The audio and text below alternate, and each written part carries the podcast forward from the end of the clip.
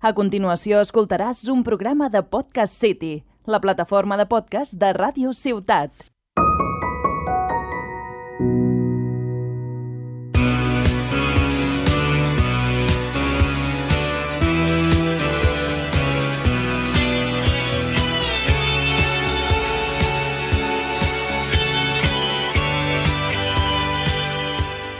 Benvinguts al cinquè programa del podcast Parlem del Nàstic. Avui parlarem del partit contra Linares Deportivo i farem la prèvia pel pròxim partit a fora davant el Sevilla Atlético.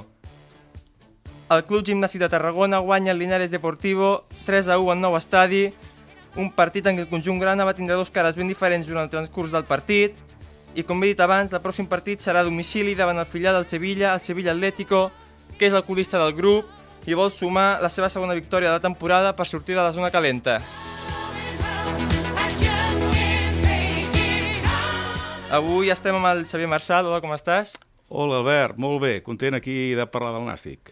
Pues jo també content que estiguis aquí. Com he dit abans, va ser un tenia dos cares oposades al partit, una primera part bastant dolenta per part del conjunt grana i una segona on el, on el, on el Nàstic va començar, diguéssim, a pujar-se i a fer-se valer el nou estadi. Sí, sí, va ser així. La primera part dolentota del Nàstic, dolentota, i la segona part, doncs, bueno, fins que la cama esquerra del senyor Bonilla es va posar en marxa i a disposició de l'equip, doncs ho vam aprofitar per en, en 10 minuts resoldre el partit amb, amb 3 gols. I aquests 10 minuts van ser la clau, doncs, eh, gràcies a la sortida de Bonilla. Per tant, Bonilla és un jugador que creus que hauria de ser titular al pròxim partit? Jo sempre tindria Bonilla a l'equip titular, perquè té una, una cama esquerra que amb les jugades de pilota aturada, ja siguin faltes, corners, tot, és un luxe tenir-lo a la plantilla, aquesta cama esquerra, i jo crec que l'hauríem d'aprofitar. Per tant, per mi seria titular a la banda esquerra en, en lloc del Genic Buila, que bueno, és, és bueno, un jugador més de contenció, més... però bueno, aquest partit concretament va estar lentot, va perdre pilotes, jo per la banda esquerra com a interior eh, posaria el Bonilla, sí, sí. I aquesta victòria a casa va fer que fos un estic històric, que va guanyar els cinc primers partits a casa, que no feia 50 anys que ho feia, i estem contents de que, que segueixi així la progressió. Sí, sí, aprofitem que, que sigui així, perquè això, com dius, és històric, portar els cinc primers partits de Lliga guanyats tots els de casa, és històric, i també una altra cosa que no es parla, i és curiosa, i és que feia molts anys que el Nàstic en els nou primers partits de Lliga no havia fet un sol gol a la primera part, i l'altre dia vaig estar mirant, em vaig cansar ja quan anava per la temporada 81-82, però amb tots aquests anys, eh, amb les nou primeres jornades, el Nàstic sempre havia marcat algun gol a les primeres parts d'aquestes nou primeres jornades, i aquest any doncs, bueno, sembla que les llancem, les primeres parts, perquè ens ha anat molt bé ara el tema dels canvis que ha fet l'entrenador a les segones parts, han servit de revulsius, s'han anat molt bé, però és que les primeres parts sembla que les llancem, i això també hauríem de, de fer-s'ho mirar. Sí, perquè tots els gols del Nàstic han sigut a les segones parts. El, el tècnic Raúl Agné, a descans, els ha fer alguna, els ha fer alguna xarla motivadora o alguna cosa, perquè la primera part, com tu has dit, les fem bastant dolentes quasi totes. Sí, sí, és una tònica d'aquests nou primers partits, que, que les primeres parts, no sé si surten adormits o bueno, que l'altre dia mateix doncs, l'equip molt, molt espès, molt trebat, molt, molt i la segona part, doncs, bueno, eh, ens, ens està sortint bé el tema dels revulsius que surtin, ja sigui Edgar Hernández, Frank Càrbia, aquest altre dia el Bonilla, ens està sortint bé, però pot ser que algun dia no ens surti bé això, i les primeres parts no estem per llançar-les d'aquesta manera.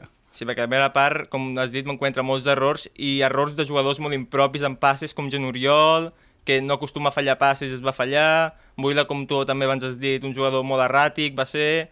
A dalt es va lesionar Edgar Hernández, que per sort no s'ha trencat la ròtula al finalment, que només serà unes 3-4 setmanes de baixa, i això és, és un fet que agrada, i bueno, la segona part totalment diferent. Sí, sí, sí, la segona part el que estem dient, vull dir, per sort, els revulsius estan anant bé, però la primer, les, les primeres parts, no sé, jo aquest altre dia el Nàstic com si no hagués sortit amb intensitat, amb, amb ganes, com si haguessin sortit doncs, així adormidots, no? I, bueno, no sé això a què es deu, però convindria doncs, les primeres parts aprofitar-les i sortir, no sé, intentar resoldre els partits a, a la primera part ja. El primer gol va marcar el defensa basc Alex Quintanilla, de cap, un defensa normalment marcant els corners, faltes, així de cap, que va ser bastant jugada. El segon va marcar Pablo Fernández, un jugador que, que va estar criticat pel seu partit contra el Castelló, que el va fer bastant dolent, però aquí va intentar més o menys passar de l'afició i va fer un molt bon partit, que també va marcar un gol anul·lat, que va ser fora de joc de Robert Simón, i el tercer gol el va marcar Frank Càrbia de cap, el, justament al següent minut del gol de, de Pablo Fernández.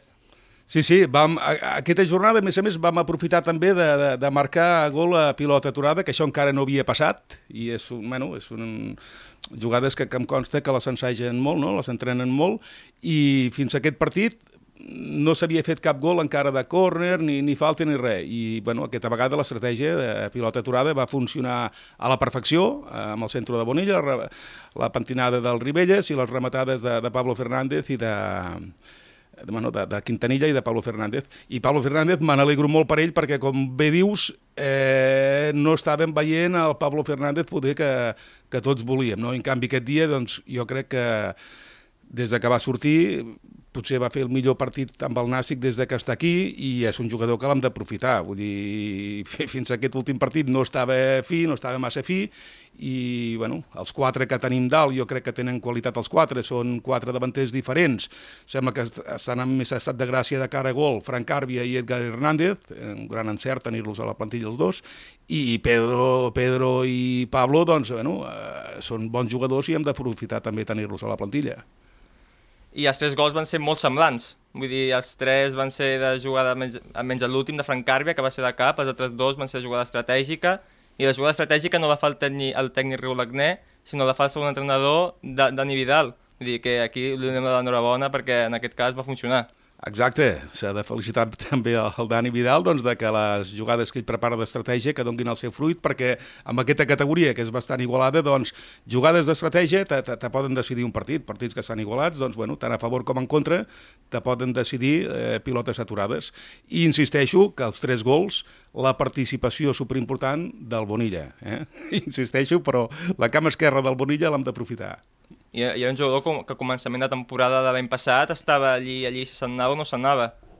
El Bonilla, sí, bueno, perquè ell va començar aquí, ja ho sabem, de lateral esquerre, però lateral esquerre, des de que va arribar el Joan Oriol, doncs és intocable, perquè és dels millors laterals que hi ha a la categoria, i bueno, amb això sí que li hem de dir que el Toni Saligrat jo crec que va ser molt intel·ligent l'any passat de fer-lo jugar més avançat perquè pogués seguir jugant el, o sigui, per l'intocable Joan Oriol, doncs, no desaprofitar, com diem, la cama esquerra del, del Bonilla i fer-lo jugar més avançat, i aquest any, doncs, bueno, eh, el Reu Lagné doncs, segueix una mica amb la tònica de fer-lo jugar més avançat, i, i entre ell, el Nil, doncs, bueno, doncs, i el Janic Buila, doncs, s'estan jugant aquest, aquest interior esquerre, però jo crec que, sí, sí, com dius, el, el Bonilla a principi temporada va sonar que si el Numància, perquè ell és d'allí, o d'algun altre equip, però bueno, jo content de que, de que s'hagi quedat aquí, a la nostra plantilla. Igual.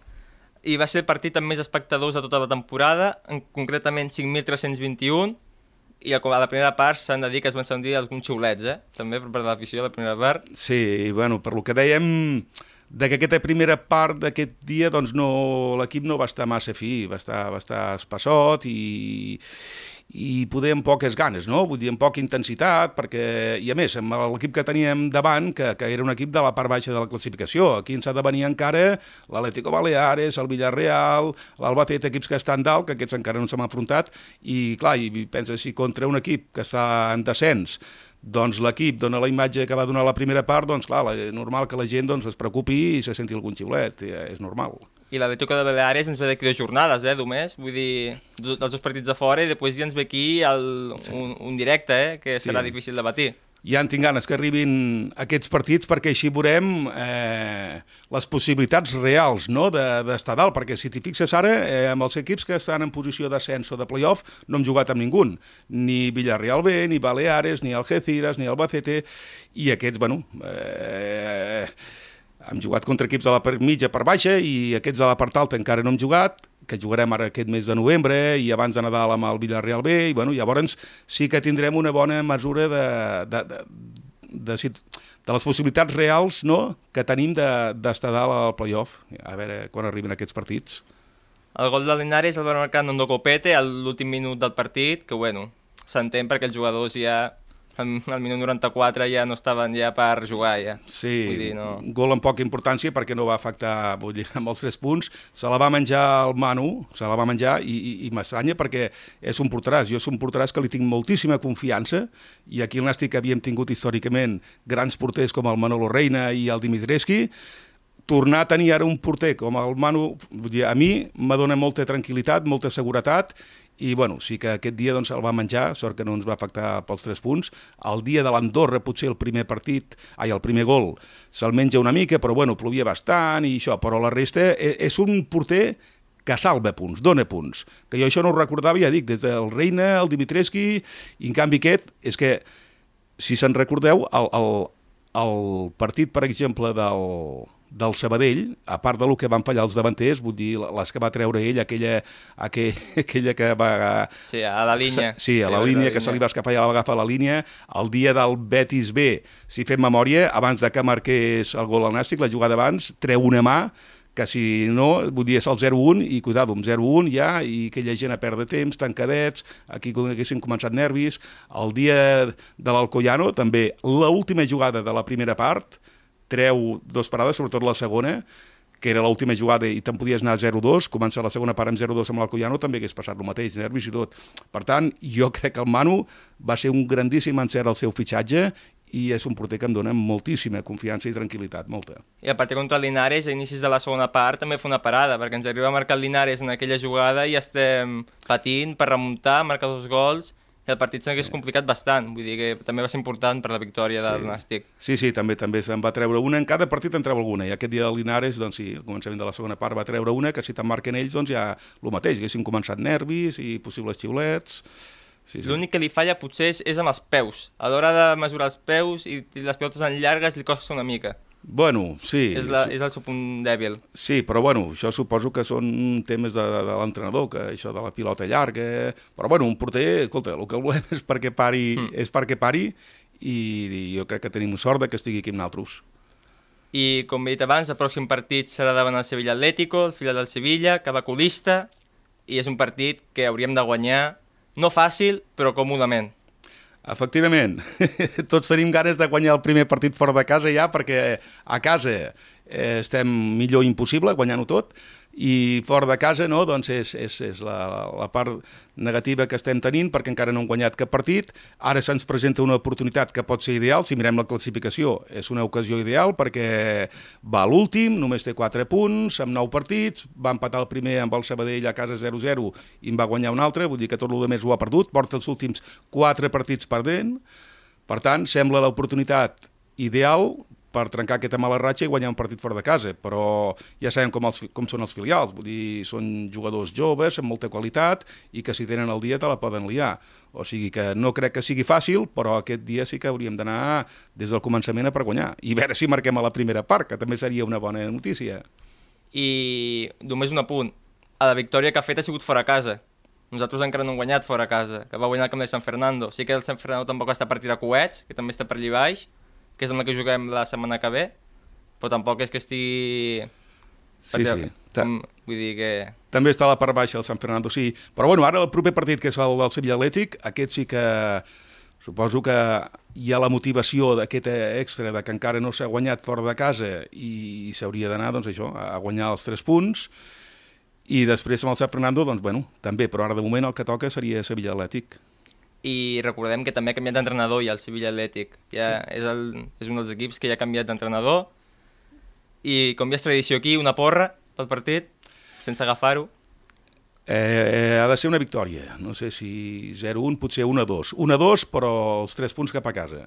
Jo també diria 1-2, i s'ha de dir que jo ja porto 3 jornades consecutives encertant la porra, eh? Bona, bo, bona senyal, doncs. És el partit del Castelló que ja estic encertant totes les porres eh, l'alineació creus que la tocarà molt o tornarem a estar acostumbrats a la mateixa defensa amb Joan Oriol, Quintanilla, Itami... La part de porter defensa no, no crec que ho toqui, perquè tot i que el Barran ja, ja està bé, doncs, bueno, poder treure'l d'inici un partit poder seria imprudent, llavors jo crec que la defensa serà la mateixa. Joan Oriol, a l'esquerra, al mig el Quintanilla i l'Aitami, i a la dreta el, el, el Pol Domingo. Llavors, Depèn com vagi el partit, doncs, bueno, l'últim quart d'hora li, pot donar, li pot començar a donar minuts a l'Albarran perquè vagi agafant la forma, així. Mig al camp, jo no tocaria el, el, el, el Bonill, el Fullana i el, i el Ribelles, per la dreta el, el Simón, això està clar, i a l'esquerra, doncs jo posaria el Bonilla, per lo que et deia abans, perquè hem d'aprofitar la seva cama esquerra i durant un, el transcurs d'un partit doncs, hi han faltes, hi han corners i tenir-lo amb ell doncs, te dona aquest plus.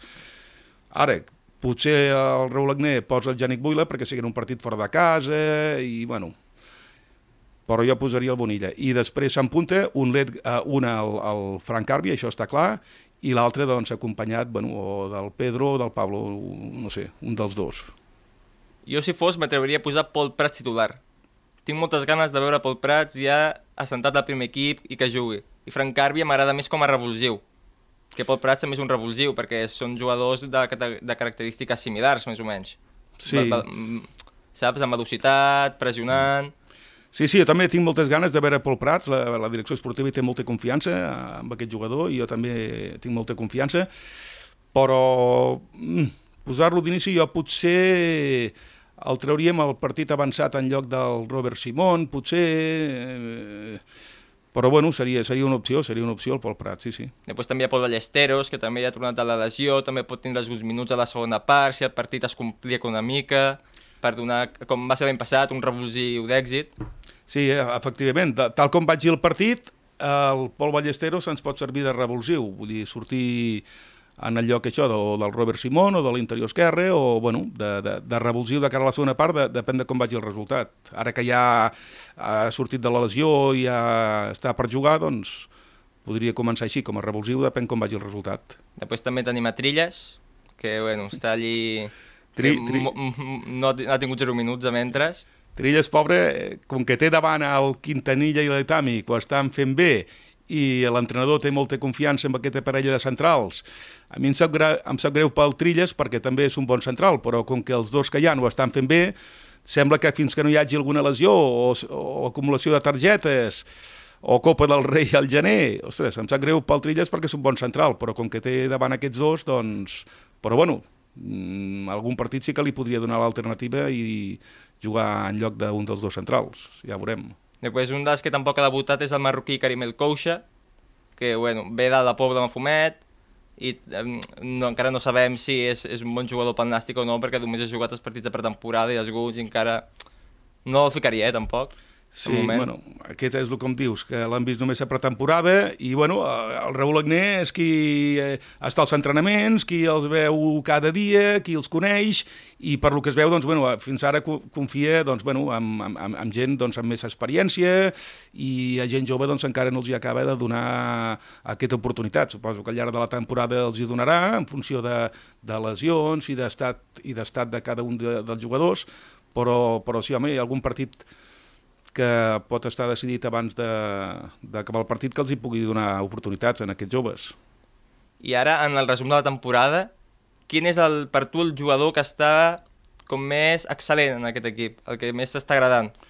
A mi m'està agradant moltíssim Edgar, que és una gran pena que ara no el puguem tenir durant un mes.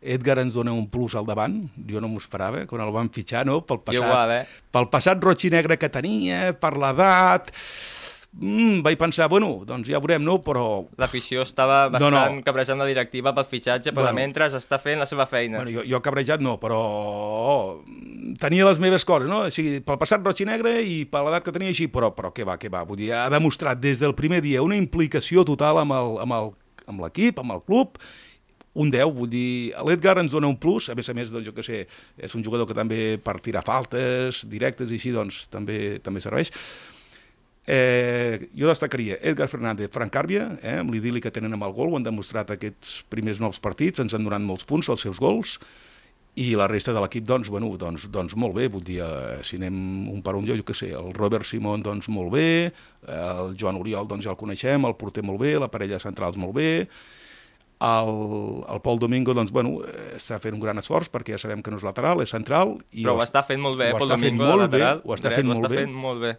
ho està fent molt bé. Eh, jo et diré que defensivament més m'estimo pel Domingo que, que, la, que el, que l'Albarran. que l'Albarran. Passa que el bo que té l'Albarran són Les pujades, les sí. pujades que té i, i fa Sí. cada centre que dius Sí, sí, sí, són sí. delicatessens aquests Sí, sí, centres sí. perquè la rematin. I el trobem a faltar, i el trobem a faltar perquè és això el bo que té, el bo que té és la...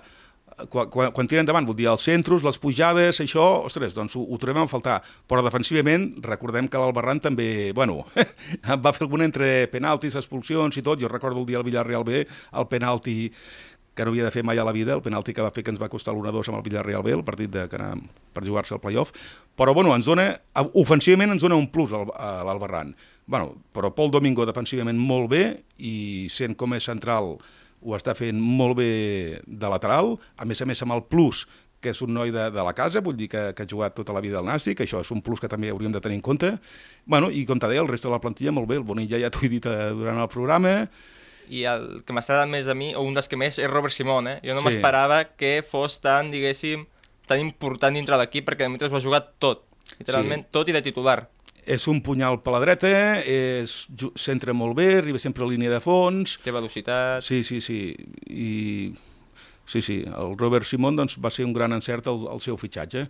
Pedro del Campo, bueno, que ara està lesionat, doncs també. El que passa que, que per mi Fullana, eh, al mig del camp, doncs molt bé. Quan jugava a l'esquerra, perquè Pedro del Campo jugava al mig del camp, eh, per mi era desaprofitar el Fullana, perquè el Fullana, doncs, a la banda, doncs, Sí, perquè està... d'interior no et dona el No. rendiment que té. al, mig, Exacte, no. al mig del camp hauria d'haver-hi Pedro del Campo i Fullana, i els interiors Bonilla, Robert Simón, Sí, Buila...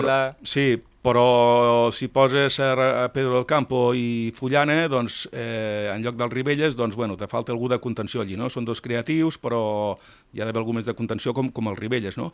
Però eh, a mi Fullana a mig del camp m'agrada molt, també. O sigui, el Pedro del Campo m'agrada, però si no hi ha el Pedro del Campo, el Fullana ho, ho fa molt bé, també. I ara passem a Nàstic femení, que va guanyar la Unió Esportiva Avinyonet amb un resultat de 11 a 0. Va ser un resultat que se'n va... Vull dir, va ser bastant... L'Avinyonet hauria acabat el partit bastant fotut i que porta les victòries consecutives.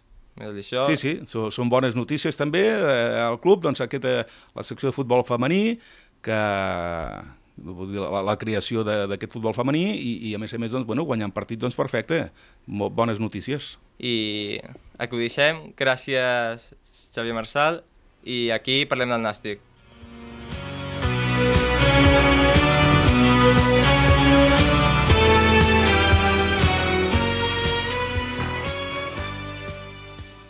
Has escoltat un programa de Podcast City, la plataforma de podcast de Ràdio Ciutat.